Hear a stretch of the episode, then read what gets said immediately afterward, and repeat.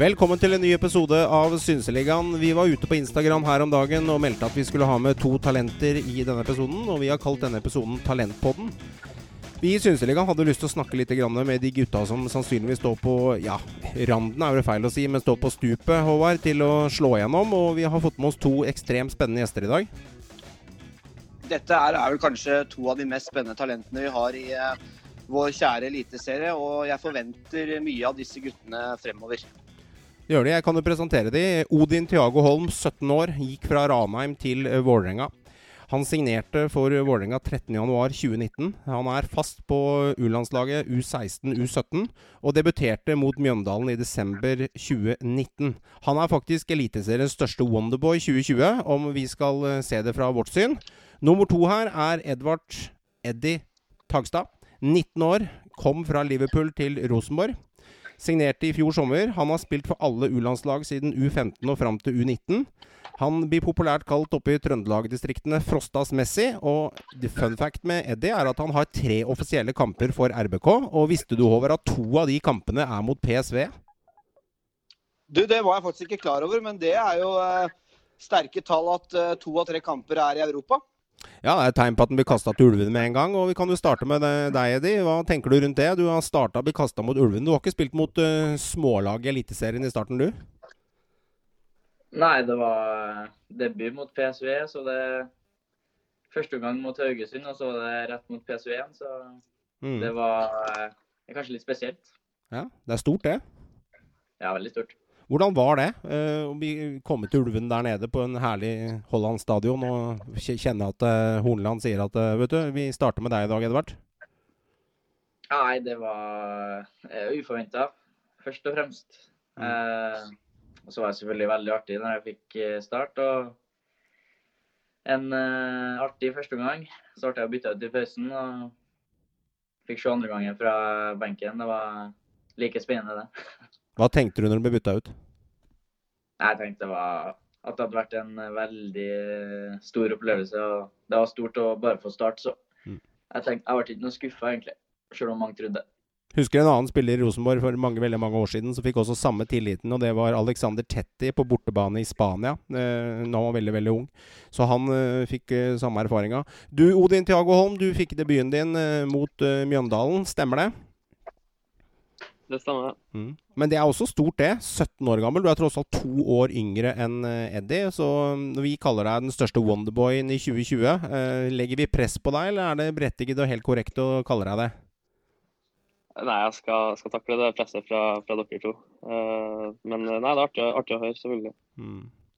Ja, det er gledelig. Det er, du er en ekstremt spennende spiller. Og Håvard, hva er det Vålerenga har fått her med Odin Tjago Holm? Altså, dette er jo en uh, spiller som har vært uh, eh, snakka om i, uh, i flere år, år, allerede, og du er jo bare 17 år. Jeg tror jo det at du har Det virker sånn utenfra at du har gode sjanser for å få spilletid allerede i år. Og jeg håper jo at vi får se deg på banen sammen med de andre talentfulle unggutta i, i Enga. Og at du viser på banen det som ryktene går rundt av, hvor spennende du er. Og eh, den, eh, den, type spiller som vi kanskje ikke har så mange av i, i norsk serie. Ja, for å snakke litt ja, Beklager, Odin. Eh, ta ordet. Ja, ja, så det stemmer jo det nå i Vålerenga. Så det drives godt, spesielt nå etter, etter Fagermo kom. Og vi har mange spennende, spennende talenter som, som, kan gjøre det sterkt. Og vi har jo Same og Brage. og Klasan, Borch og Aron som kanskje slo gjennom i fjor, men som fortsatt er yngre og, og spennende spillere. Uh, så i år tror jeg kan bli veldig spennende. Det som er bra med, med Dag Eilef, det har han jo vist i Odd i mange år, han gir unggutta sjansen. Absolutt. Så det er, må jo være lovende for din, eh, din utvikling. Og, og, Enga har jo, som du nevnte selv, mange spennende talenter nå. Mm. Riktig. Når du uh, kjente på det, og når du gikk til Vålerenga, så valgte du jo for å ta den litt ballen der Du valgte jo uh, Vålerenga foran RBK. Har jeg forstått det riktig? Mm. Ja, ja. Vil du utdype litt om den prosessen og hva det som skjedde der, så vi kan få det litt uh, fra vedkommende selv? Mm. Ja, altså det sto jo egentlig mellom, mellom Ranheim, Rosenborg og, og Vålerenga. Uh, og da spilte jeg jo i i Ranheim og hadde et tilbud der, derifra om kontrakt. Eh, og så fikk jeg et kontraktstilbud fra Vålerenga. Eh, men tilbudet fra Rosenborg kom vel egentlig aldri, ettersom de måtte prioritere hovedtrener først. Eh, så for min del så ble kontrakten kom egentlig aldri fra, fra Rosenborg. Jeg gikk bare og venta og venta, venta, og da Mm. måtte jeg til slutt ha en avgjørelse mellom Ranheim og, og Vålerenga. Uh, så tilbudet fra Rosenborg kom vel egentlig aldri, på papiret i hvert fall. Syns du det er litt merkelig da, eh, som et så stort talent du er, og er fra, fra Trøndelag, at du ikke da, at ikke Rosenborg kom på banen? Eh, er det en klubb du kanskje så for deg at du skulle ha en framtid? Selvfølgelig har jeg jo vokst opp som Rosenborg-fan sjøl. Jeg er jo trønder, så skulle jeg gjerne ha likt å, å spille i sort og hvitt, men uh, selv om det da vil være favorittklubben her i Norge, så betyr ikke det at det vil være det rette for min utvikling. Mm. Det er naturlig, det. Det er jo ærlig og fint. Og da, da må du velge Vålerenga, som uh, sto der med egentlig klare til å signere og velge å ha deg på en lengre kontrakt. Du har jo en kontrakt som går ut neste år, i ett og et halvt år til. Stemmer det? Jo, jeg signerte en ny kontrakt her nå. Eh, som nå eh, tre år eh, skrev på. Mm. Så du har nettopp signert enda en ny kontrakt med Vålerenga? Mm. Din vei, Eddie, den har jo vært Ja, du var jo Liverpool i England. Det, hvordan var det? Fortell hvordan dette starta. Du gikk veldig tidlig ut til utlandet, og du fikk jo erfare mye i England som kanskje ikke andre spillere har fått med seg i så ung alder? Uh, ja, uh, det har jeg jo du får jo oppleve veldig mye når du drar til, til England og Liverpool eh, i såpass ung alder. Eh, det starta med litt forskjellige prøvespill i England, og så endte jeg opp i Liverpool, da, som eh, selvfølgelig var drømmen. Eh, så Enhver ungguts drøm å dra til England eh, tidlig, det? Ja, det vil jeg jo tro. Spesielt når du får, eh, får mulighet til prøvespill og sånne ting. så så ser jeg ikke noen grunn til å ikke dra på det, i hvert fall. Og, og få testa litt. Og når du føler at muligheten og tilbudene er så gode som det, det var for Liverpool, da, så, så så ikke jeg noen grunn til å ikke dra dit. Var det på en periode du var og trente litt med, med A-laget og fikk sett på virkelig det høyeste nivået der, eller du, var det mest med, med junior og, og, den biten der? Nei, det var ikke noe A-lag. Jeg var Første gangen jeg dro til Everton var jeg 13 og trente med U14 og U15. Og så året etterpå var det egentlig bare med ja, U16 da, for ja, alle klubbene jeg var til. Men det må ha vært en vanvittig erfaring nå å, å, ha i bagasjen når du er tilbake i Norge og har vært og kjent på nivået i, i utlandet og hva som kanskje må til da, for å lykkes helt, helt der oppe. Eh, hva var grunnen til at du, du, valgte å vende hjem nå? Eh, du hadde vel kanskje litt tilbud fra andre steder også? Ja. Eh, jeg hadde tilbud fra, fra Groningen i Nederland. Jeg var på prøvespiller i tre dager i juni. mellom de to periodene jeg var i Rosenborg og trente litt, så Grunnen til at jeg dro hjem til Rosenborg, var egentlig ikke noe med Groningen å gjøre. Etter jeg bestemte meg for å dra fra Liverpool, så, så bestemte jeg meg egentlig ganske tidlig for at uh, jeg ville hjem til Norge. Og hvis jeg skulle hjem til Norge, så var Rosenborg det eneste valget. Uh, og Grunnen til at jeg dro fra Liverpool, var jo at jeg ikke så for meg den muligheten til å komme inn på A-laget der. og det var ganske langt unna førstelagsspill og U23 så hadde jeg egentlig ikke heller eh, sett for meg så mange sjanser når jeg ikke fikk spille på U18. Så å få trene med A-laget til Rosenborg og få noen kamper allerede første sesongen der, syns jeg var bra. Men det er jo absolutt uh, hva skal jeg si, stram konkurranse i RBK også. Og, eh, et storlag i norsk målestokk. Ser du for deg at du klarer å spille deg inn i elveren i åra? Jeg har jo som mål å gjøre det. Jeg har jo fått spilt mye preseason så lenge det vært. Så det var jo en bra start på preseason for meg, som, eh, som jeg håpa på. Og så håper jeg jo bare det fortsetter når vi får komme i gang igjen. Og så vi har fått trent godt i den perioden her, så jeg føler jeg fortsatt er i bra form. Så det er bare å jobbe på for å få den startplassen. Du har jo blitt brukt i litt forskjellige posisjoner. Alt fra back til uh, indreløper, hvis ikke jeg tar feil. Hvor er det du ser selv at du har uh, størst uh, potensial? Uh, nei, jeg sjøl syns jeg er best på midtbanen. Om det er indreløper eller på sentral midtbane, så syns jeg har så mye å si. Jeg har spilt mest indreløper i preseason, så egentlig en av de to plassene. Og så er det jo selvfølgelig ikke et, uh, noe negativt at jeg kan spille på back òg. Men det er på midtbanen jeg, jeg tror sjøl og mener sjøl jeg er best. RBK har jo opp gjennom tida hatt noen, eh, noen unggutter som har starta på midtbanen, som f.eks. Jonas Svensson, og som er endt på, på bekk. da. Mm. Men nei, jeg syns det har vært spennende å få sett deg på midtbanen, Edvard. Du har jo absolutt gode ferdigheter som, kunne, som det, kanskje det laget trenger. da. Takk. Ser du kanskje at det var lurt at RBK nå kvitta seg kanskje med ja, eksempelvis Mike Jensen da, uh, ut der, slik at det gir litt mer rom for dere bakfra? Muligheter til å kjempe litt mer med Konradsen og Doff der. Uh, tenker du også litt sånn, Eddie? Uh, ja, du tenker jo alltid at når, det, når det drar en ut, så det, blir det en ledig, ikke en ledig plass, men en mindre å kjempe med. Mm. Må jeg jo si at det er aldri artig at Mike drar, eh, og at midtbanespillere drar, for du blir godt kjent med dem, og de eh, blir gode kompiser med. deg. Mike var hva skal jeg si, et lite forbilde for oss ungguttene som eh, på midtbanen. Han var en god rollemodell og har vært god for Rosenborg i mange år. Så han har lært deg mye av. Men samtidig så var han en liten konkurrent òg, så det gir jo litt mer rom til oss unggutter for å prøve å få en startplass. Og angående konkurrenter hos deg, Odin. Eh, jeg har jo sett på disse, den serien som gikk på NRK. Der fulgte jeg deg veldig tett.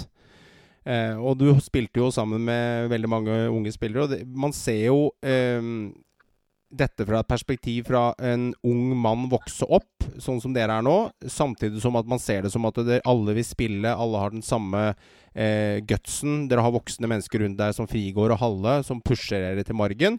Og dere har noen samlinger som er ganske profesjonelle i den serien der. Eh, det, det, var jo en fin serie å være med på. og Hva fikk du ut av det, med, med å være en del av de samlingene første gangen, samtidig som å ha kamera rundt dere hele tiden? Ja, Våre nestemenn du tenker på da? Mm. Eller den på NRK om Vålerenga? Ja, den, på, nei, den, eh, den, med landslaget. Jeg husker ikke navnet på den, men det, det er ja, okay. ja. Uh, nei, altså, jeg tenker jo det er fint, det. Uh, spesielt da for kanskje dem rundt, å få se hvordan hverdagen ser ut. Uh, men for vår del så må jeg ikke spesielt merke til at han Så det, det ikke helt fint. jeg gjorde det. Men selvfølgelig artig å, å, å få vist andre hvordan, hvordan ting fungerer da, mm. for, for vår del. Mm. Og du, i tillegg der så ble jo du dyrka som defensiv midtbane i, i, på landslaget der, stemmer ikke det? Jo, alltid blitt brukt som den dype eh, i landslagssammenheng. Ja, for du er jo kjent for å ha et enormt overblikk over spillet, og flink til å tre og flink til å dekke mye rom i, i veldig tidlig alder. Og Du har jo en spiller der med Oldrup Jensen på laget som kommer til å ta den rollen nå. Hva tenker du om årets sesong for din egen del? Eh, skal du ta den ved siden av med Lekeven ved at Fagermo kjører to dype, eller sitter du og venter litt på gjerdet her og, og, tenker at jeg skal gripe de mulighetene som er?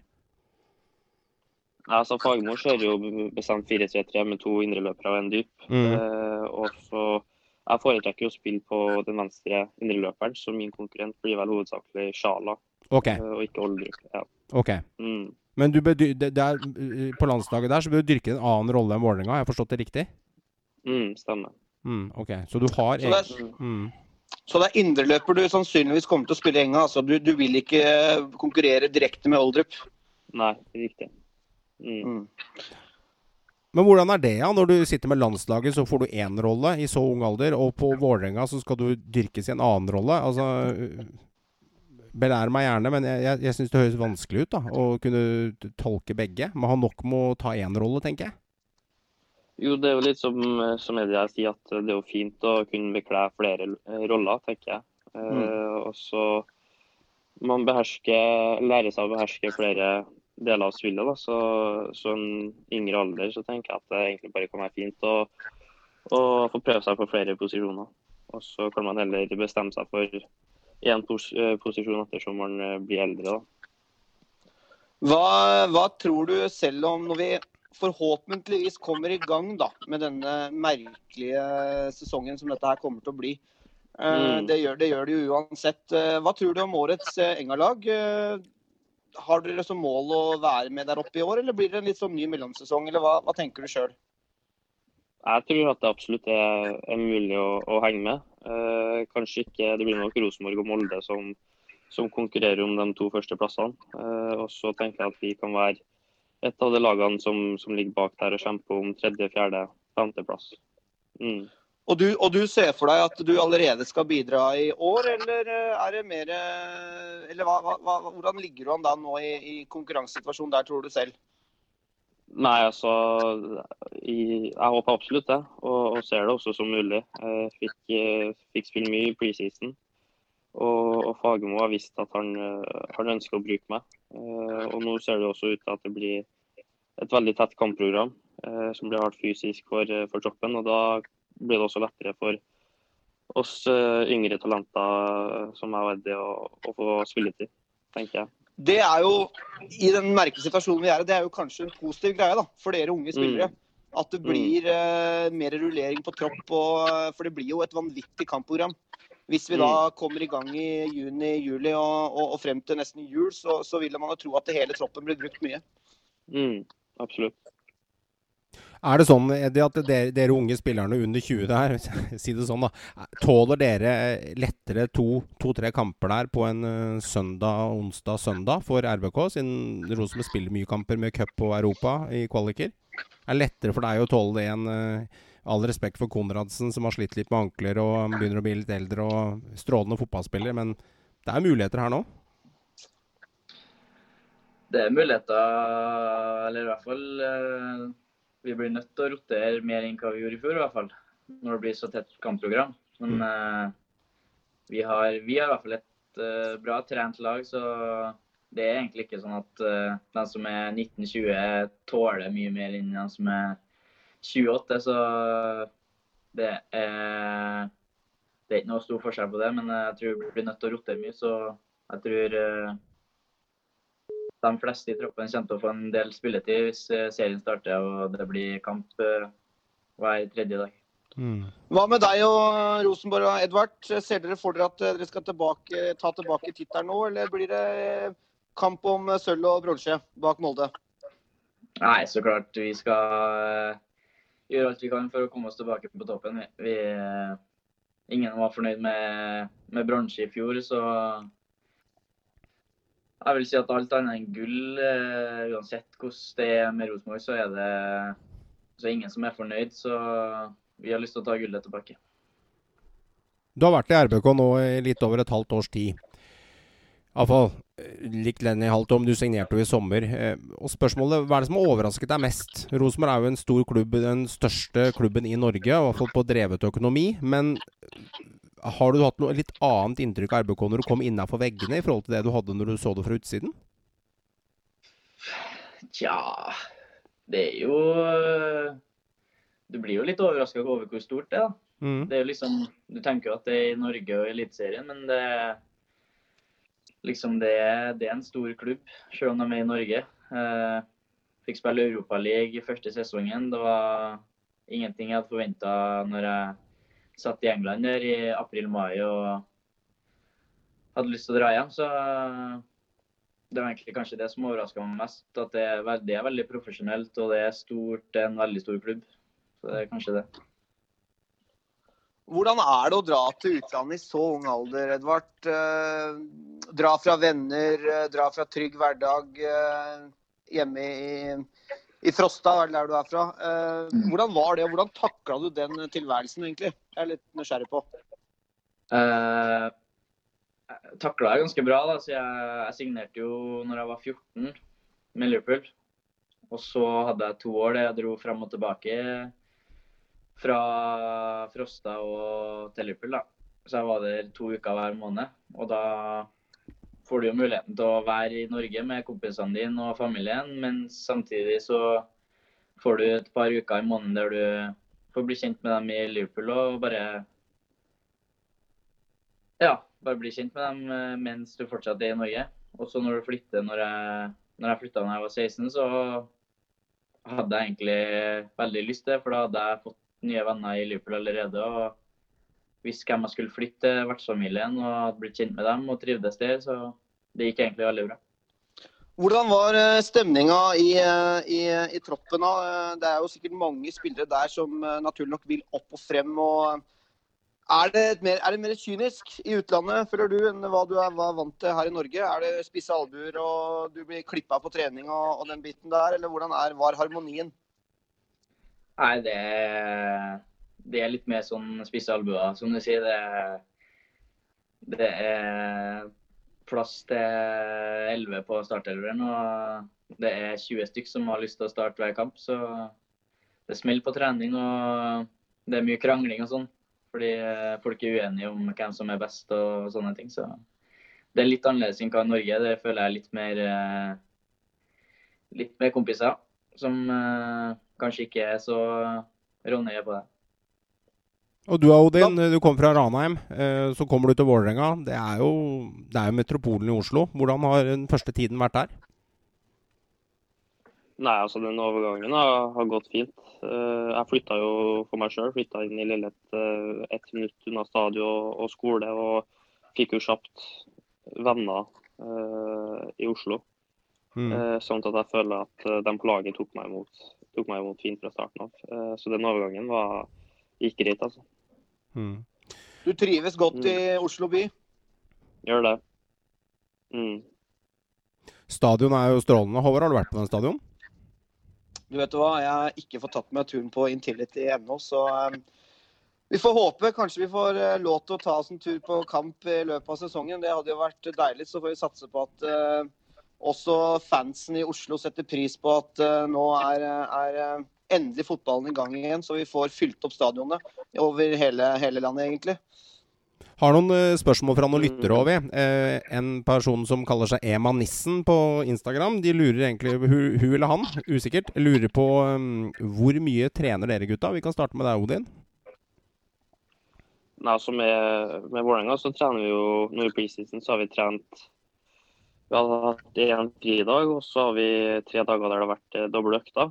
Uh, så det blir jo fort åtte økter da i uka med laget. Og så har du jo mulighet til å, til å kjøre egentrening sånn utenom det. Uh, men nå i preseason så har det egentlig ikke vært, vært noe behov for det. For treningsprogrammet har vært såpass, såpass, hardt. Så da blir det åtte, åtte økter i uka. Mm. Mm. Eddie? ganske likt som Odin, egentlig. Vi, I preseason når vi holdt på som vanlig det, så var det én fridag i uka. og som de hadde kanskje to-tre dager i uka der det var dobbeltøkt med styrke. da. Så egentrening er det egentlig mindre av nå enn hva når jeg var 13-14. Så det er fullt fokus på trening og 100% der. Og så er det fullt fokus på restitusjon når jeg ikke trener. for ellers så blir det, kan jeg bli skada i preseason. Det er så dumt. Og da er et spørsmål til begge gutta. Hvordan er det å, å, på en måte sitte på sidelinja og egentlig bare vente på når får vi lov til å trene fullt igjen? Når får vi lov til å spille fotballkamper, som det tross alt er sikkert det beste dere veit? Hvordan takler dere denne koronasituasjonen som, som, har, som er da i hele, hele verden? Og, og, og, vente spent på å få lov til å spille fotball. Hvordan er det? Ja, altså Det er jo tungt mentalt, først og fremst. Å sitte, mm. sitte og vente og vente og vente. Og aldri få noe konkret svar egentlig på når vi kan starte opp.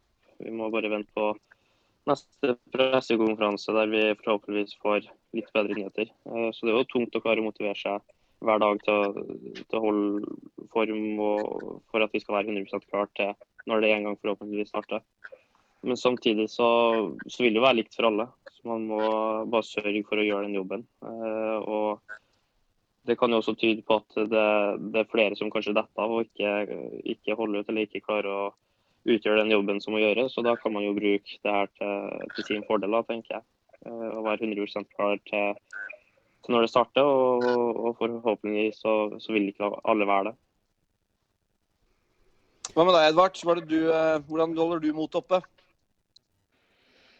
Nei, går jo håper og venter på at vi får starte så fort som mulig. Men uh, nå har vi jo holdt på med sånne uh, smågrupper en god stund, da. Så vi har jo fått uh, trent, men eh, det er ikke det samme som, som vanlig trening og, og en vanlig sesong. Så vi alle gleder seg til vi kan begynne med kontaktsport igjen og starte på for fullt. Til og med vi som spiller i Blir du borte, Håvard? Jeg frøys det litt. Skal vi se her. Kobler seg på igjen. Oldley, man får jo virkelig fotballabstinenser her. Mm. Ja. Så får vi satse på at uh, Raja-gjengen tar til fornuften og eh, lar, lar dere begynne å spille igjen. Håper på det. Det er jo noen her på, som også lurer på dette med navnet ditt, eh, Odin. Eh, det, ja, Nora TR lurer litt på favorittlag, og hun lurer også på hvilken liga du vil helst spille i, spilt i. Og så kan du jo uttale deg litt om hvor Tiago kommer ifra. Jeg har et lite fått hviska meg en fugl fra sida som har, har eh, fortalt meg det, men eh, jeg vil gjerne høre at du forteller det selv, for det er jo hyggelig. Altså, Favorittlag og, og favorittliga vil jo være Barcelona og La Liga i, Mm. i Spania. Mm. Eh, og det er jo der navnet også kommer fra, når Tiago Thiago Alcantara har spilt i, spilt i Barcelona.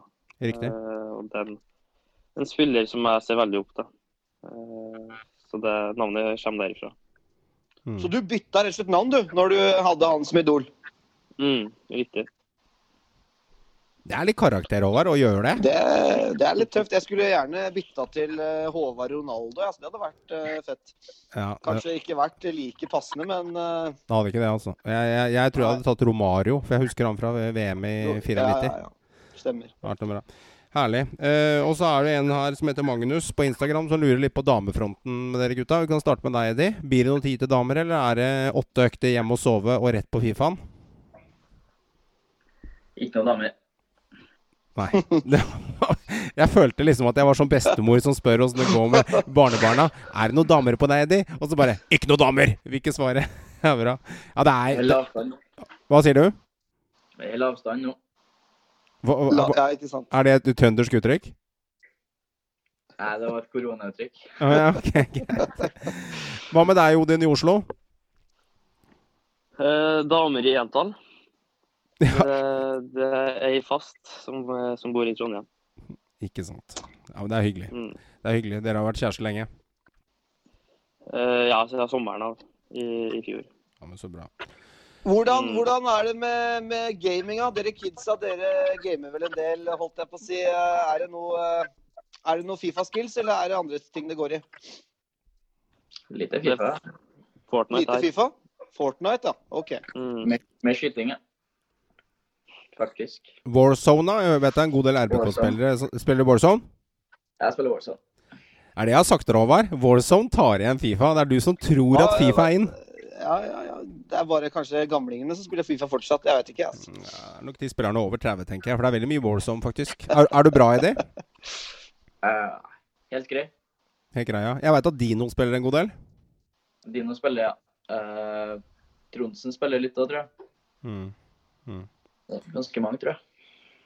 Magnus Myrmed lurer på hvilken sportgutta ville dere drevet med hvis det ikke var fotball? Start Ole. Slalåm fort. Tror det. Ja. Mm. Står mye på, på slalåm på, på fritida eller i feriene når vi, når vi har tid til det. Uh, så om jeg skulle ha valgt én, så har det nok fort, fort blitt slalåm. Jeg har sett at du er ganske god på trampoline òg, Odin. eh, Fra noen sånne opptak. Eh, Er det mye backflips på ski og diverse, da, eller? Det blir, blir litt av det. Absolutt. Mm.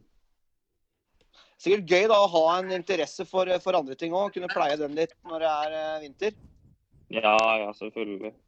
Har alltid drevet veldig allsidig. Så,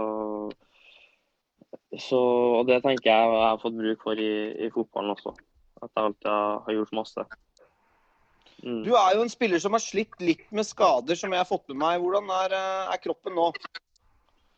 Uh, Så langt i år så har jeg vel egentlig ikke hatt én en ordentlig skade. Uh, Så det virker jo som at uh, jeg kom meg litt over, over den kneipa, forhåpentligvis. Men de siste to årene har vært veldig tungt på, på skadefronten. Er det frustrerende for en så ung spiller som, er, som har så stort talent? og sett, det, Må du jobbe mye med motivasjon der og, og, sånne ting? Hvordan er det du takler det, å være skada i så ung alder? Ja, ja altså det, det, er tungt det. Å sitte på sidelinja og, og, se andre ta steg. Men altså, om man har det indre drivkrafta, så kommer man seg alltid gjennom den skadeperioden, tenker jeg. Så, så, for min del så har det gått greit. Og viser jo nå at jeg er klart å, å jobbe meg gjennom det. Mm.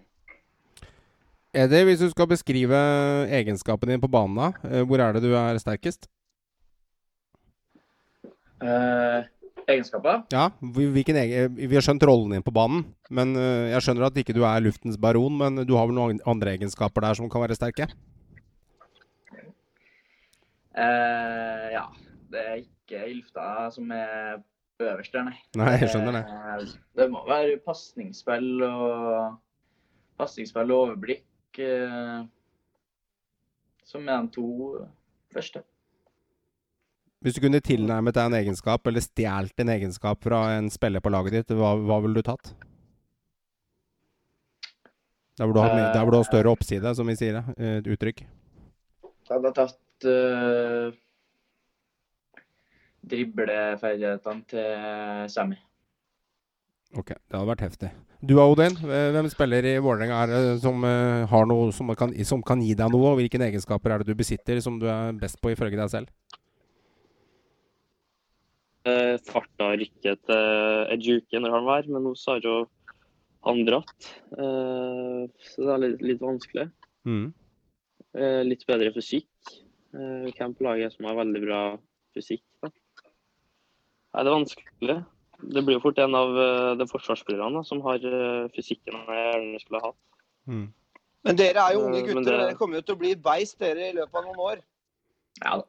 ja, vi får håpe det. Det er litt med egenskapene man besitter òg. Det handler litt om å dyrke de òg. Eh, er man god på pasningsspill og god til overblikk, så man kommer langt med det. Jeg husker en Antoniana han var. Altså, fysikken hans var ikke enorm, men han hadde en løpskraft defensivt og dekking av rom og pasningsfot som var ganske, ganske ekstrem. Så det handler litt om å dyrke det man er god på. Ja. Har vel en eh, viss spiller i Barcelona som har klart seg greit òg, ved å ikke være så stor. Så eh, den uh, størrelsen er ikke alltid det det kommer an på, for å si det sånn. Mm. Målet for 2020, uh, er det innhopp? Er det fast spilletid? Um, er det medieoppmerksomhet? Det kan være så mangt, gutter. Odin, hvor, hvor, har du tenkt om dette her når du legger av matta, og hvilke tanker har du? Jeg ser for meg flere innhopp, og etter hvert kunne få starte Faller litt ut på lyden her. Han falt Mot uh, slutten av sesongen. Jeg tror du må ta det en gang til, Odin. For det, det, det Odin, du må ta det en gang til, for det falt ut. Uh, Odin, du må ta det en gang til, for jeg tror vi falt ut på dekning her. Så OK, du hører meg nå? Nå hører jeg fint. Ja. Takk. Ja, hører fint. Ja, OK. Uh, nei, så Målet for sesongen i år vil jo være å, å starte å få noen innhopp. Mm. Uh, og etter hvert kunne kunne få starte et par kamper for, i den elveren. Mm. Og du Eddie, du har jo blitt allerede omtalt i andre kampen i den nye podkasten som, eh, som, Er det Stilson som kjører den podkasten med Søndag kveld fra Rekendal'? Ja. Stemmer det? Flott nei, det òg, var? Han derre Stilson som var oppe i Trøndelag og i Mjøndalen en periode, som la seg som fotballspiller, som er forfatter og poet og kall det hva du vil. Han har lagd en egen podkast der hvor de går gjennom RBKs kamper. Første kampen var jo mot Brann på hjemmebane, og så er det Molde bl.a. Og der skisserer han i podkasten i løpet av en times tid eh, med en skuespiller som han har inne i poden. Han er jo regissør av hele, hele, greiene. Og så har han holdt intervju med RBK-spillerne i forkant. Og der, Tagseth, er jo du en sentral rolle i den ene kampen, stemmer ikke det? Jo. Ble uh, mål og rødt kort. Såpass, ja. Så han, han spår, eh, han spår eh, ja. hva som skjer, han godeste Stilson, altså. Nei, altså, mot Molde smeller det. Mot Molde smeller det. Så uh, han gjør det. Han uh, har tenkt å ta alle hjemmekampen til Rosenborg og lage en stemning rundt det på lyttepod, Håvard. Så Rosenborg er ikke noe småklubb. Altså Når du har tid til å lage en egen pod om hjemmekampen i 2020 som ikke er spilt ennå, da, da lukter det bra. Eh, Eddie, det går et rykte om at du setter deg på bussen i dress. Eh, på, på, vei til hjemmekampen til Lerkendal, og så går den ene søte trønderen og hyggelige, hyggelige trønderen på, på, bussen, og så ser de deg sitte der i RBK-dressen på vei til kamp. Stemmer dette ryktet her? Det stemmer, ja. Jeg har ikke Jeg er 19 år, men jeg har ikke lappen ennå, så da er det buss. Fortell litt om dette. Hvordan føles det når du setter deg på den bussen og skal bort til, bort til Lerkendal for å, for å spille fotball? Nei Litt spesielt kanskje, men eh, jeg tar jo buss til trening hver dag òg. Så den bussruta er jeg godt vant med. Bare at det er litt flere som ser på deg når du har på deg dress med Rosenborg-merke på. Mm. Er, er, det hy er, det hyling og skriking på bussen da, Ledvard? Eller åssen er det du takler det kjøret? Nei, det er ikke noe hyling og skriking. Nei. Det er, det er ikke Messi som sitter på bussen, så eh, det er et par blikk, bare. Men det går ja. helt fint, det. Eh, det. Det er bare artig, syns jeg. Hva, hva, tenker dere videre, gutter? Nå er jo dere i, i startgropa av karrieren deres. Hva er, eh, hva er målet deres? Eh, sikter dere høyt? Nå snakker jeg landslag, store ligaer. Hva hva er målet deres? Nei, Jeg sikter relativt høyt. Det er jo Barca som, som er målet og drømmen. For min del. Mm. Altså Barcelona? Mm, riktig. Ja, det det hadde vært noe, det. Det er, det er, heftig. Jeg blir så satt ut når jeg hører det. For jeg, jeg sitter liksom på andre sida her da, for å, å, tenke liksom Skjønner dere, Eddie og Odin, hvor heldige dere egentlig er? Nei. det, er jo, det er jo noen andre nordmenn nå som har vist at det går an å, å lykkes på relativt høyt nivå, for å si det sånn. Så det er jo ikke, ingenting er jo umulig. Og så liker jeg svaret nei, vi skjønner ikke hvor heldige vi er. Og det er kanskje derfor de kommer til å lykkes òg. For at jeg tror jeg hadde skåret av meg venstre bein og, og, og amputert kneskåla eh, for, å, for, for, vært deres, eh, for å vært der hvor dere er nå. For dere lever jo ut drømmen. Dere spiller på to store lag i Norge. Dere blir satsa på. Dere er i en perfekt alder. Dere kan lære av de beste i garderoben. Dere har fantastiske spillere rundt dere. Dere har gode trenere som Horneland og, og Fagermo. Dere har jo alt er uh, tima tilrettelagt for at dette skal lykkes. Så det er jo Det er, det er strålende. Uh, jeg synes Det er deilig da å sitte med, sitte med unge spillere som uh, er up and coming. Landslaget, gutter, om tre-fire år, er de innafor rekkevidde? Ja. Det er det? Det Vi kan si det. Vi, mm. Da er vi da 21 og 23, så Da bør dere være sentrale spillere, dere sammen med Ødegaard og gutta? Det har vært artig, det. Oss på midtbanen her. Det er jo en uh, spennende generasjon vi har i landet vårt nå, med, med gutta som allerede har breaka. Og så har vi jo sånne som dere på vei opp og frem. Vi, uh, tror vi at Norge kan, uh, kan komme seg til sluttspill fremover nå? Hva, hva, er deres tanker der? Ja, det, det ser vi. Alle de unge norske spillerne som begynner å, begynner å bli veldig bra nå. Det, og det er veldig mange av dem. Så jeg syns det ser veldig bra ut. Så vi bør være skuffa om vi ikke får til et sluttspill i løpet av de neste ti-tolv årene. Hva med deg, Odin? Hvor lenge ser du for deg bli eh, i Norge før du tar steget videre?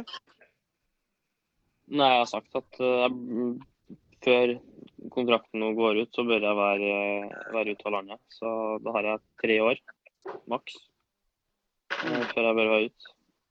Tror du du må til Rosenborg en tur før du bleker og går ut? uh, nei, det tror jeg ikke. Jeg tror uh, Vålerenga har tatt utstillingsrunde. Uh, så er jo mm. Sander Berge uh, som gjorde veldig bra, og gikk ut. Og Ødegaard gikk fra, gikk fra uh, Godset, og, og Haaland gikk fra Molde. Så mm. de siste årene så, så virker det som at man trenger ikke være i, i Rosenborg for å gå ut. Mm. Absolutt ikke. Det, den tida er jo over. Mm. Ja, det er muligheter til å nå ut. Det er selvfølgelig større sjanse i de klubbene som vinner mest, sånn som Molde og Rosenborg. Men uten tvil, man kan, er man god nok, så ja, da, da breaker man ut. Det er ingen tvil om det. Jeg har fått et spørsmål her til, til deg, Odin, fra Viktor Bunas. Ja, og det er hvorfor begynte Odin Tiago Holm å kjøre lettmotorsykkel?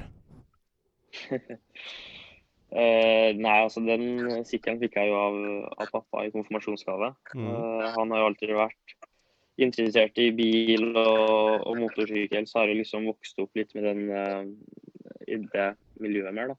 Mm. Så det er vel derfor jeg også starta. Fordi, fordi pappa har drevet med det.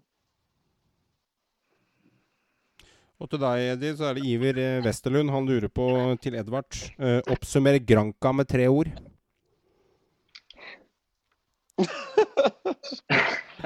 Det er, det er spørsmål du har fått. Da tenkte jeg eh, eh, 19 år gammel. Hvor mange, eh, mange turer har han hatt til Granka? Det eneste han har sett, er Chartersveien, tenker jeg, på T- T- TV3. Så, men har du tre ord om Granka, eller har du vært der noen gang? Jeg har jo vært der, da. Vi var der i jula med noen gutter. Så sol, bading og moro. Er dette et Sol, inter sol internt bading og spørsmål? damer, med andre ord. Nei, nei, han driver ikke med damer, han her er fotball. Nei, det er ikke legg ord i munnen på han. Du blir satt på plass, Håvard. Men eh, var det et internt spørsmål? Kjenner du vedkommende som stilte spørsmålet? Kjenner en veldig godt. Ikke sant, der kom den. Det er godt å høre. Eh, Det hadde jo vært spennende å sette disse to Håvard på samme lag. Absolutt. eh, Det får vi håpe at vi får se på Norge i fremtida, sammen med den andre, resten av den gylne generasjonen vi har på gang nå. Så det er absolutt spillere som jeg har eh, trua på kan bidra veldig for, eh, for Norge og, og ta steget ut til store ligaer. Jeg blir nesten skuffa hvis ikke disse gutta her blir store stjerner. Mm. Det er også noen her som lurer på dette med tatoveringer. Er dere på tatoveringsbåten, eller hvordan står det til der? Har noen. Du har noen, ja? Jeg tror Odin har noen, da. Har vel fem nå. Nei, men fortell, da. Fem tatoveringer? Altså, ja vel. Du er 17 år. Mm. Kjør i vei. Hvor er det du har dem hen? Nei, det er vel eh, på innsida av hver eh, forearm. Mm. Eh, og så er det på utsida av den ene, og så er det en under brystet og en på, på låret. Åssen symboler er det ja, ja, Håvard, dette har du kunnskap om. Hva kalles det? Tribals, eller hva heter dette? Nei, nei, uff a meg. Du må okay. ikke snakke om tribals. Har ikke peiling, jeg. Ja. Kjør i vei. Men Men Nei, er, altså, det, det- er det det er snakk om at det blir heldekt, heldekt snart, da, innen du er 20? Det blir eh, både sleeves og, og full pakke? Sleeves, ja. Ok. Nei, altså man har jo, vi har jo Aron på laget, Aron Tønnum, eh, som har fylt eh, så å si hele overkroppen. Eh, så jeg ønsker ikke å være på det nivået, men eh, det har vært kult med en sliv etter hvert. Det, det har vært det. Forklar, forklar en sliv. Altså, jeg, jeg, ikke, jeg har hørt bare tribals fra 90-tallet, og så kan jeg ingenting om det. Hva er en sliv? Det at du dekker hele armen fra, fra skuldrene. Nå okay. hørtes du veldig bestefar ut, Johan. Det her eh, må du lese deg på. Ja, men Jeg trenger jo ikke å lese meg opp. Jeg, jeg kan jo spørre disse om det. Altså, Fair enough. Jeg trenger ikke å ha, ha kunnskap om alt sånt. Av vel bevares. Altså, Det er derfor jeg spør. Men tatoveringer og fotballspiller det er jo noe som hører litt sammen. Er det, er det noen dere får inspirasjon fra når det gjelder tatoveringer, eller er det mest eh, egne Hva dere syns er fett sjøl? Ja, eget. Er ikke noen eh, Jeg ser på en fotballspiller og tenker på tatoveringene egentlig, så det er eget. Og du da, Eddie? Hva er det du har for noe? Det jeg tipper Du har ikke akkurat det delfin på skulderen, så fortell oss. Hva er det du har for noe? Jeg har uh, den, det er bare familien min. Og så har jeg den er ganske Se her, ja. Den så ganske fersk ut òg, den, Edvard. Ja, Den er to dager fersk. Hvor, hvor To dager? Jeg tok den på fredag. Oi. Hva, hva er det på den? Eh, jeg, så, jeg så bare masse svart, jeg, med noe greier. Hva Ja, det er Neptun på sida her, og så et øye. Nice. Ja. Så fett ut. Er dere forfengelige da, gutter? Er det mye bling-bling og ting på fritida, eller er, det, hva er, det, er, dere, er dere opptatt av stil og mote, eller eh, er det ikke det så interessant? Jeg er vel det. Ikke så mye bling, da, men uh, klær og sko og sånne ting uh, må jeg si jeg er litt opptatt av. Nå, Det er viktig det er viktig å se bra ut. Tja. Nå dro jeg, nå dro jeg tribals, Håvard. Det var 0-1 til deg. Og så kommer du med bling. Da er det 1-1, Ja, og så legger er vi den død. Det er vel litt mer rapp-stilen, det. til- På, på, Ja, Det er ikke, det er ikke John Carew i 2000, dette her. Så han, var- han var der. Det var bare bling. Eh, om om tre-fire år, eh, hvor mange kamper og betydning har du hatt for RBK da, Eddie? Om tre-fire år? Mm. Nei, skal vi si 100 kamper? Ja, det er voksent, det. Ja. Er planen din å spille deg inn på RBK og bli en slags eh, Jonas Svensson, som er der i, med, i, til 350 kamper før han på en måte går ut? Eller, eller snakker vi to-tre år, og så skal du ta steppet som Odin? Tør du være litt ærlig på det? Jeg har lyst til å bli fast på Rosenborg-laget før jeg drar ut. Så jeg har lyst til å vinne, vinne ligaen og cupen med Rosenborg. Eh, I hvert fall én gang før jeg drar ut. Men eh, jeg skal ikke legge skjul på at drømmen er å spille i utlandet. Og det har jeg sagt til, til mange folk at jeg har lyst til. Og, men uansett, nå er alt fokus på Rosenborg. Og hvis jeg gjør det bra her, så vet jeg at muligheten for å komme meg til utlandet er der. Og da må jeg gjøre det bra her, da. Er det England som er eh, drømmedestinasjonen igjen, siden du allerede har vært der? Eller er det andre ligaer du helst kunne tenke deg å, å dra til? Det er England som er drømmen, ja. Selv om jeg allerede har vært der en eh, liten tur, da. Så eh, jeg har lyst til å dra tilbake dit, og aller helst Liverpool. Men uh, hvis Barca kommer og spør, så sier jeg nei. Eller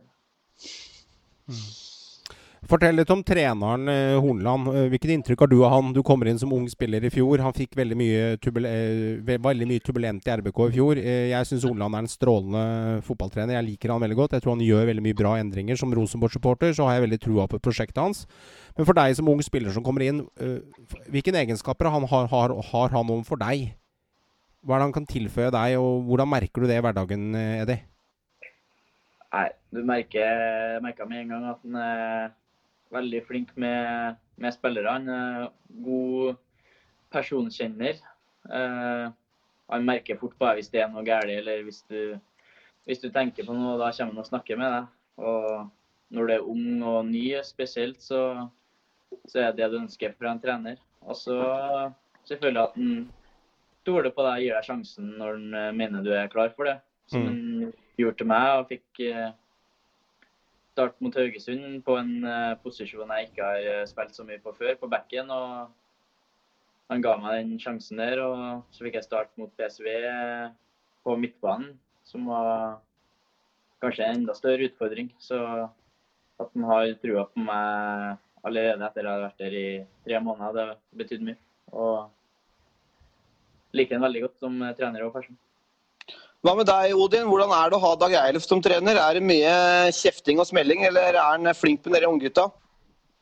Eh, litt kjeft blir det selvfølgelig, men, eh, men så langt er jeg veldig fornøyd med, med Fagermo. Eh, du vet hvor du har den veldig, veldig tydelig eh, i alt av spillestil og, og som person. Så, så, så langt er jeg veldig fornøyd med, med Fagermo.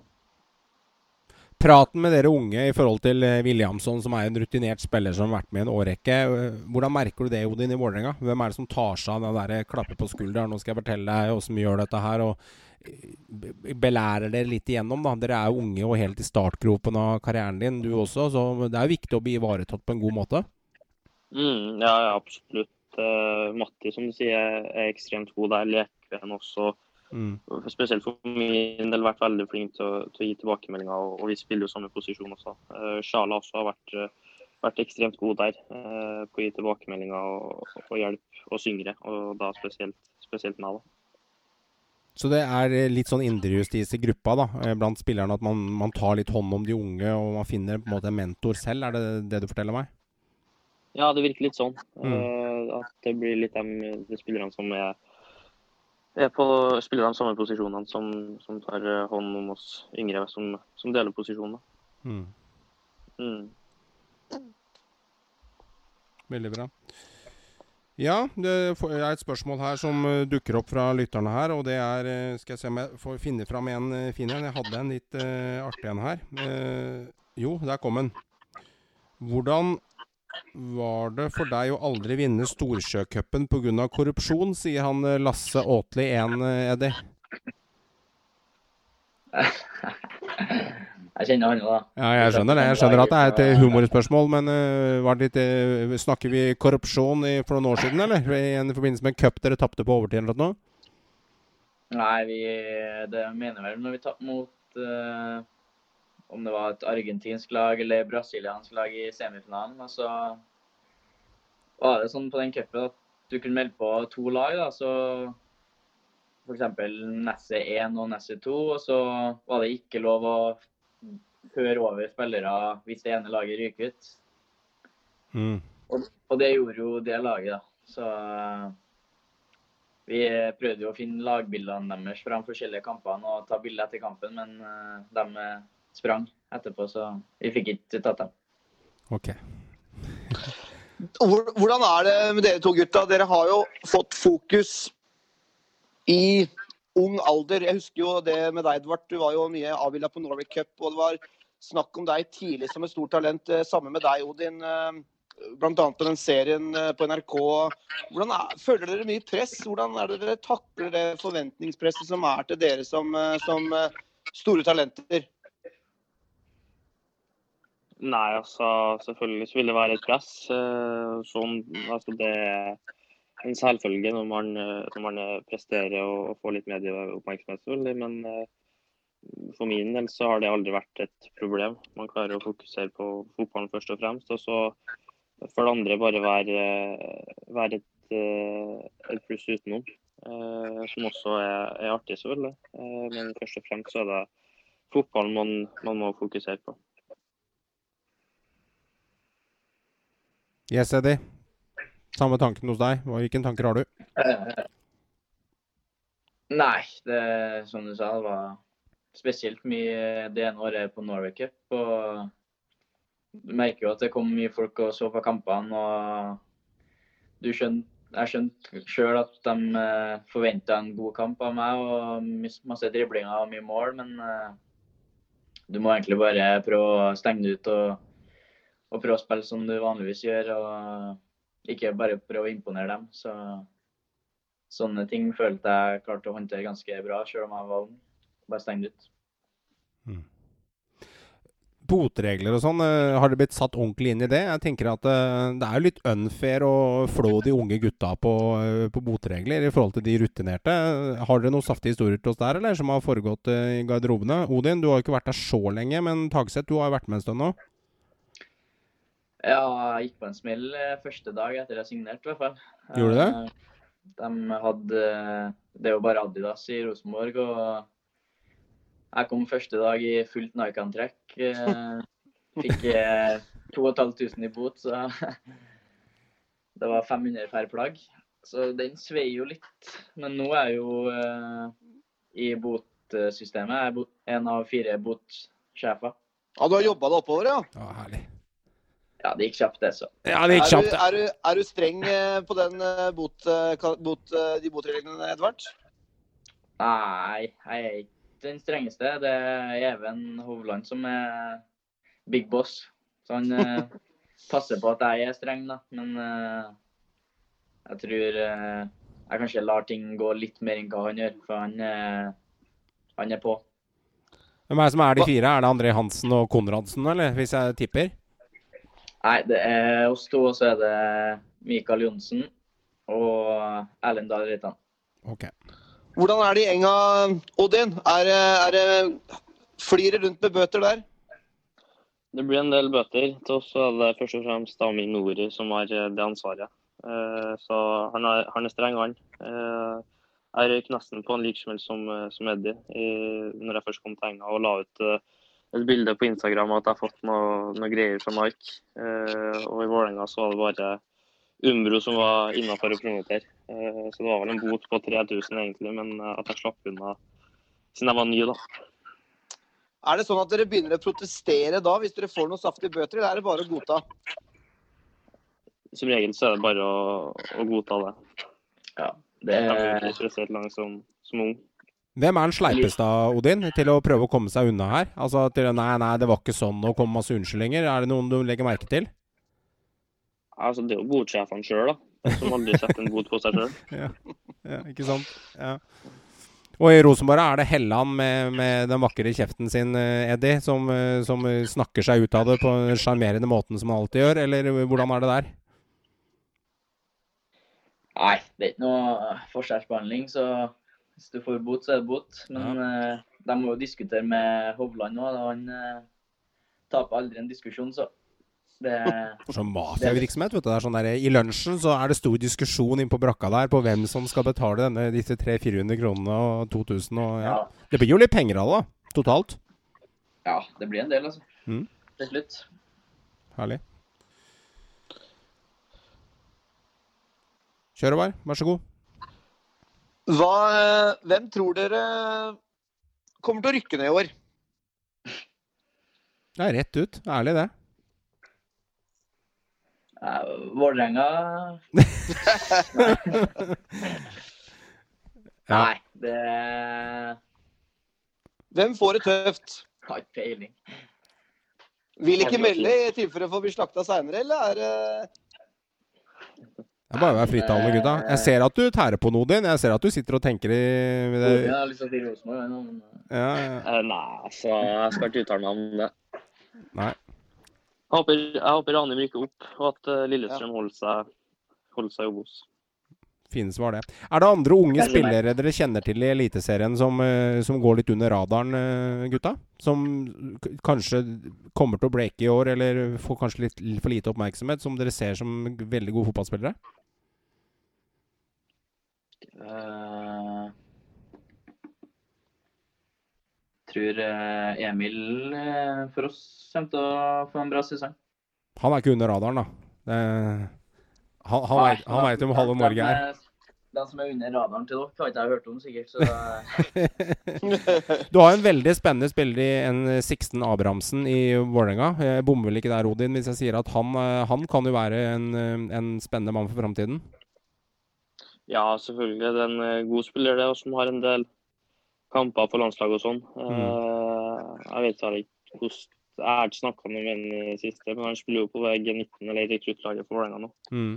Men en, Osa, eller en Saroui uh, har det vel også vært snakk om? Osame Mm. Saroui, ja. Hvordan er han som spiller? Osame er en veldig, veldig god spiller. Uh, midtbanespiller, og som også har fått uh, masse tillit av Fagermo i, i preseason. Så det er absolutt muligheter for hans del å, å slå gjennom i år. Mm. Er det noen av spillerne på laget dere henger mer med enn andre? Jeg vet at dere er veldig unge der, men uh, hvem spillere er det dere bruker mye tid sammen med, uh, Eddie? Uh, I RBK bl.a. Er det, er det Tørsetten og Seide? Uh, ja, Mikael Mer med Mikael enn Emil. Og så er det kanskje flere på RBK2 eh, som er med på fritida enn de på A-laget. De er litt på min alder på RBK2, så Mm. har nok de beste kompisene mine der. Og så har vi jo en gang iblant der vi drar ut med laget og sånn og spiser middag, så vi passer på å ha, ha noen lagmiddager en gang iblant for å få litt uh, teamfeeling. Mm. Det er vel litt ekstra viktig å ta vare på hverandre i denne litt vakuumet vi er i nå, og ikke ja, passe på at alle andre alle har det bra. Ja, det er veldig viktig. Så det er sikkert eh, mange som ikke har så mange å være med nå. Så selv om det er vanskelig å, å være med så mye, så i hvert fall chatte litt med dem og spørre hvordan de har det og sånne ting er viktig. Føler du Odin, at klubben tar vare på dere unggutta i denne situasjonen her? At eh, dere blir eh, sett?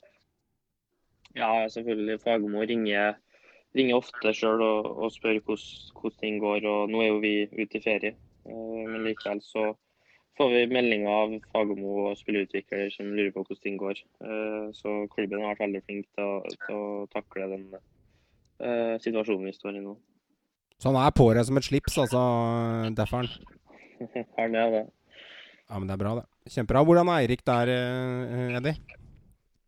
Han er flink der òg. Han Som som fagmann ringer ofte og spør hvordan det går, og snakker med oss eh, på feltet om hvordan det går og hvordan vi syns treningene har vært. Og spør om vi vil eh, komme med noen innspill og sånne ting. Så han er god til å snakke med oss.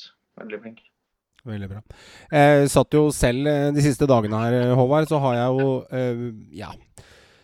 Jeg satt på Sunderland til jeg die. Er det noen av dere som har sett den? Ja. ja. Har du sett den, Håvard? Da har jeg ikke fått sett den ennå. Det, det er vel noe som står på lista for å få med. Ja, For det første så slo det meg en ting at den, uten å nevne for mye om han, men kulturministeren vår som, som har vært litt ute hardt mot fotball i det siste ja, det altså, interessante er at Han burde sett den for å skjønt litt hvordan fotballkultur fungerer. Jeg klarte ikke å skru av, jeg. Eh, Sunderland til jeg da. Jeg måtte se to sesonger. Den var så ekstrem. Jeg satt jo fra seks om kvelden til ett om natta og så sju-åtte episoder. Det er litt av en serie, det. Altså, fantastisk å se. Og det er så mye som skjer bak en fotballklubb eh, utenom de 90 minuttene på banen. 90 minutter på banen er da du skal prestere resultatmessig. Men det skjer så mye behind the scenes av økonomi, av mennesker og ivaretagelse. Mm. Fantastisk. Det er til dere lyttere der ute og sitter og hører på Synselegaen. Gå inn på Netflix, se Sunderland til jeg die'. Jeg veit at mange av dere allerede har sett den, for den har jo vært ute lenge. Men eh, det er virkelig, virkelig god serie. Netflix-gutta eller HBO, det, hva går de her? Eh, Odin, hva ser du på? Blir det noe i det hele tatt, eller er det søvn, mat og trening? Nei, altså det Det blir tid til litt Netflix, eh, så det er for det meste serier. Riverdale og Stranger Things og, og sånne. Eh, så det blir tid til litt sånn sammen med, med gaming og, og, andre ting. Mm. Eh, man har jo ekstremt mye fritid som, som fotballspiller. Mm. Mm. Du er det? Ja. Altfor mye Netflix for tida. Så... ja. Fikk du sett på den serien jeg ga deg et lite vink for å høre på, eller? Jeg har ikke starta på den ennå, nei. nei. Du, du, har, har, du tenkt å prøve? Jeg er ferdig med den uh, andre. Ja. Dere må nesten passe litt på skjermtida dere da, gutter, hvis det blir, ikke blir for mye skjerm? Ja, uh, jeg går i hvert fall ikke inn og sjekker den på iPhone, for den tror jeg er altfor høy for tida. Ja. Ja. Herlig. Nei, det blir mye av det disse dager. Når, eh, når eh, klokken eh, slår desember 20, 2020, og vi skal oppsummere Odin Tiago Holm hva er det, Hvis jeg søker på Wikipedia på deg etter årets sesong, Odin, hva er det jeg finner da? Eh, X antall innhopp, ja. forhåpentligvis. Mm. Eh, noen kamper fra start. og og en spiller som eh, virkelig har turt å, å by på seg sjøl, til tross for eh, et høyere nivå enn det jeg tidligere har spilt på. Eh, så det er vel det, jeg håper det inntrykket jeg håper å, å gi når vi står i desember-januar. Mm. Du Eidi, hvor, hva skjer på Wikipedia hvis jeg søker på deg 1.12.2020? Uh, det står vel forhåpentligvis at det er flere enn tre kamper. Mm. Flere enn null mål og null assist. Eh, en god del flere, håper jeg. Mm. Og så at jeg har vunnet et seriegull med Rosenborg. Eh, da har jeg blitt fornøyd. Og at det fortsatt er noen kamper, fordi dere er fortsatt med i Europa? Og det, da. Videre, videre fra gruppespill, forhåpentligvis. Ikke sant. Hvordan eh, blir det å spille kamper uten publikum? Det, blir det en uh, spesiell utfordring, eller, eller, er det noe som man klarer å bare koble ut? Ja, det blir annerledes. Uh, det kan jeg, kan jeg, egentlig ikke svare på hvordan det blir. Jeg har aldri spilt med null som skjer på, så det blir spesielt. Så jeg håper det blir så få kamper som mulig med det. At vi mm. får publikum så lenge det er trygt. Så det som er ordentlig fotball, publikum er en stor del av eh, kampene. Du, Odin? Det blir vel litt, blir vel litt eh, kjipt å ikke ha klanen på, på tribunen, eh, Odin? Uff, ja. ja. selvfølgelig. Det er litt for alle oss fotballspillere. Det, det, det, blir ikke det samme å spille uten publikum, men uh, det må til, virker det som. Og da får vi bare følge det. Uh, og håpe da at uh, det vil være forsvarlig med publikum på, på sida så fort som mulig. Mm. Nå har dere i hvert fall litt å lytte til. Eh, dere har jo nå stilt opp i Synseligaen. Og du debuterte jo i podkast i dag, Odin. Hvordan var det? Nei, det var, det var gøy. Det, da vi prøvd det her òg. Og litt, litt, mer erfaring, så det, så det blir fint, det. Veldig bra. Vi satte veldig pris på at du stilte opp. Og så hører jeg uh, Hadde vært gledelig hvis du hadde hørt på Synseligaen framover. Det hadde vært en glede for oss, det. Mm, ja, jeg skal, skal, sjekke det ut. Veldig bra. Og du Eidi, du er jo blitt rutinert. Det er vel fjerde podkasten du er på, på, på nå, så du, du, har vært med i ung alder. Vært med på mye podder. Ja, jeg syns det, det, er artig å være med. Liker å svare på litt spørsmål og, og, snakke litt, så det har vært, det har vært bra. Så jeg skal inn og høre noen gamle episoder. Jeg har ikke hørt så mange. Nei, veldig bra. Det er mye fine episoder her. Det ligger jo alt fra Attan Eke til Jon Arne Riise til uh, Alexander Sødlund, hvis du er interessert i å høre på det. Så det er, det er mye, mye, fine episoder her. Ja. Yes. Da tenker jeg vi runder av for denne gangen. Eh, Odin og Eddie, jeg vil gjerne ønske dere en eh, glimrende sesong eh, foran dere. Og tusen hjertelig takk for at dere stilte opp i Synsligaen. Takk for at vi fikk komme snart. Veldig hyggelig. Hyggelig å ha deg Masse lykke til. Så får vi håpe at vi kan endelig sparke i gang snart. Håper på det. Og du kjære lytter, hvis du sitter og lurer på om du skal gi oss en anbefaling i iTunes eller lytte til oss på Spotify, så gjør gjerne det. Gå inn på iTunes og gi oss fem stjerner med en liten kommentar. Det setter vi kjempepris på. Har du ris eller ros til oss, så ta kontakt med oss på Instagram. Og i mellomtiden, ha en glimrende søndag. Kos deg masse. Hei så lenge.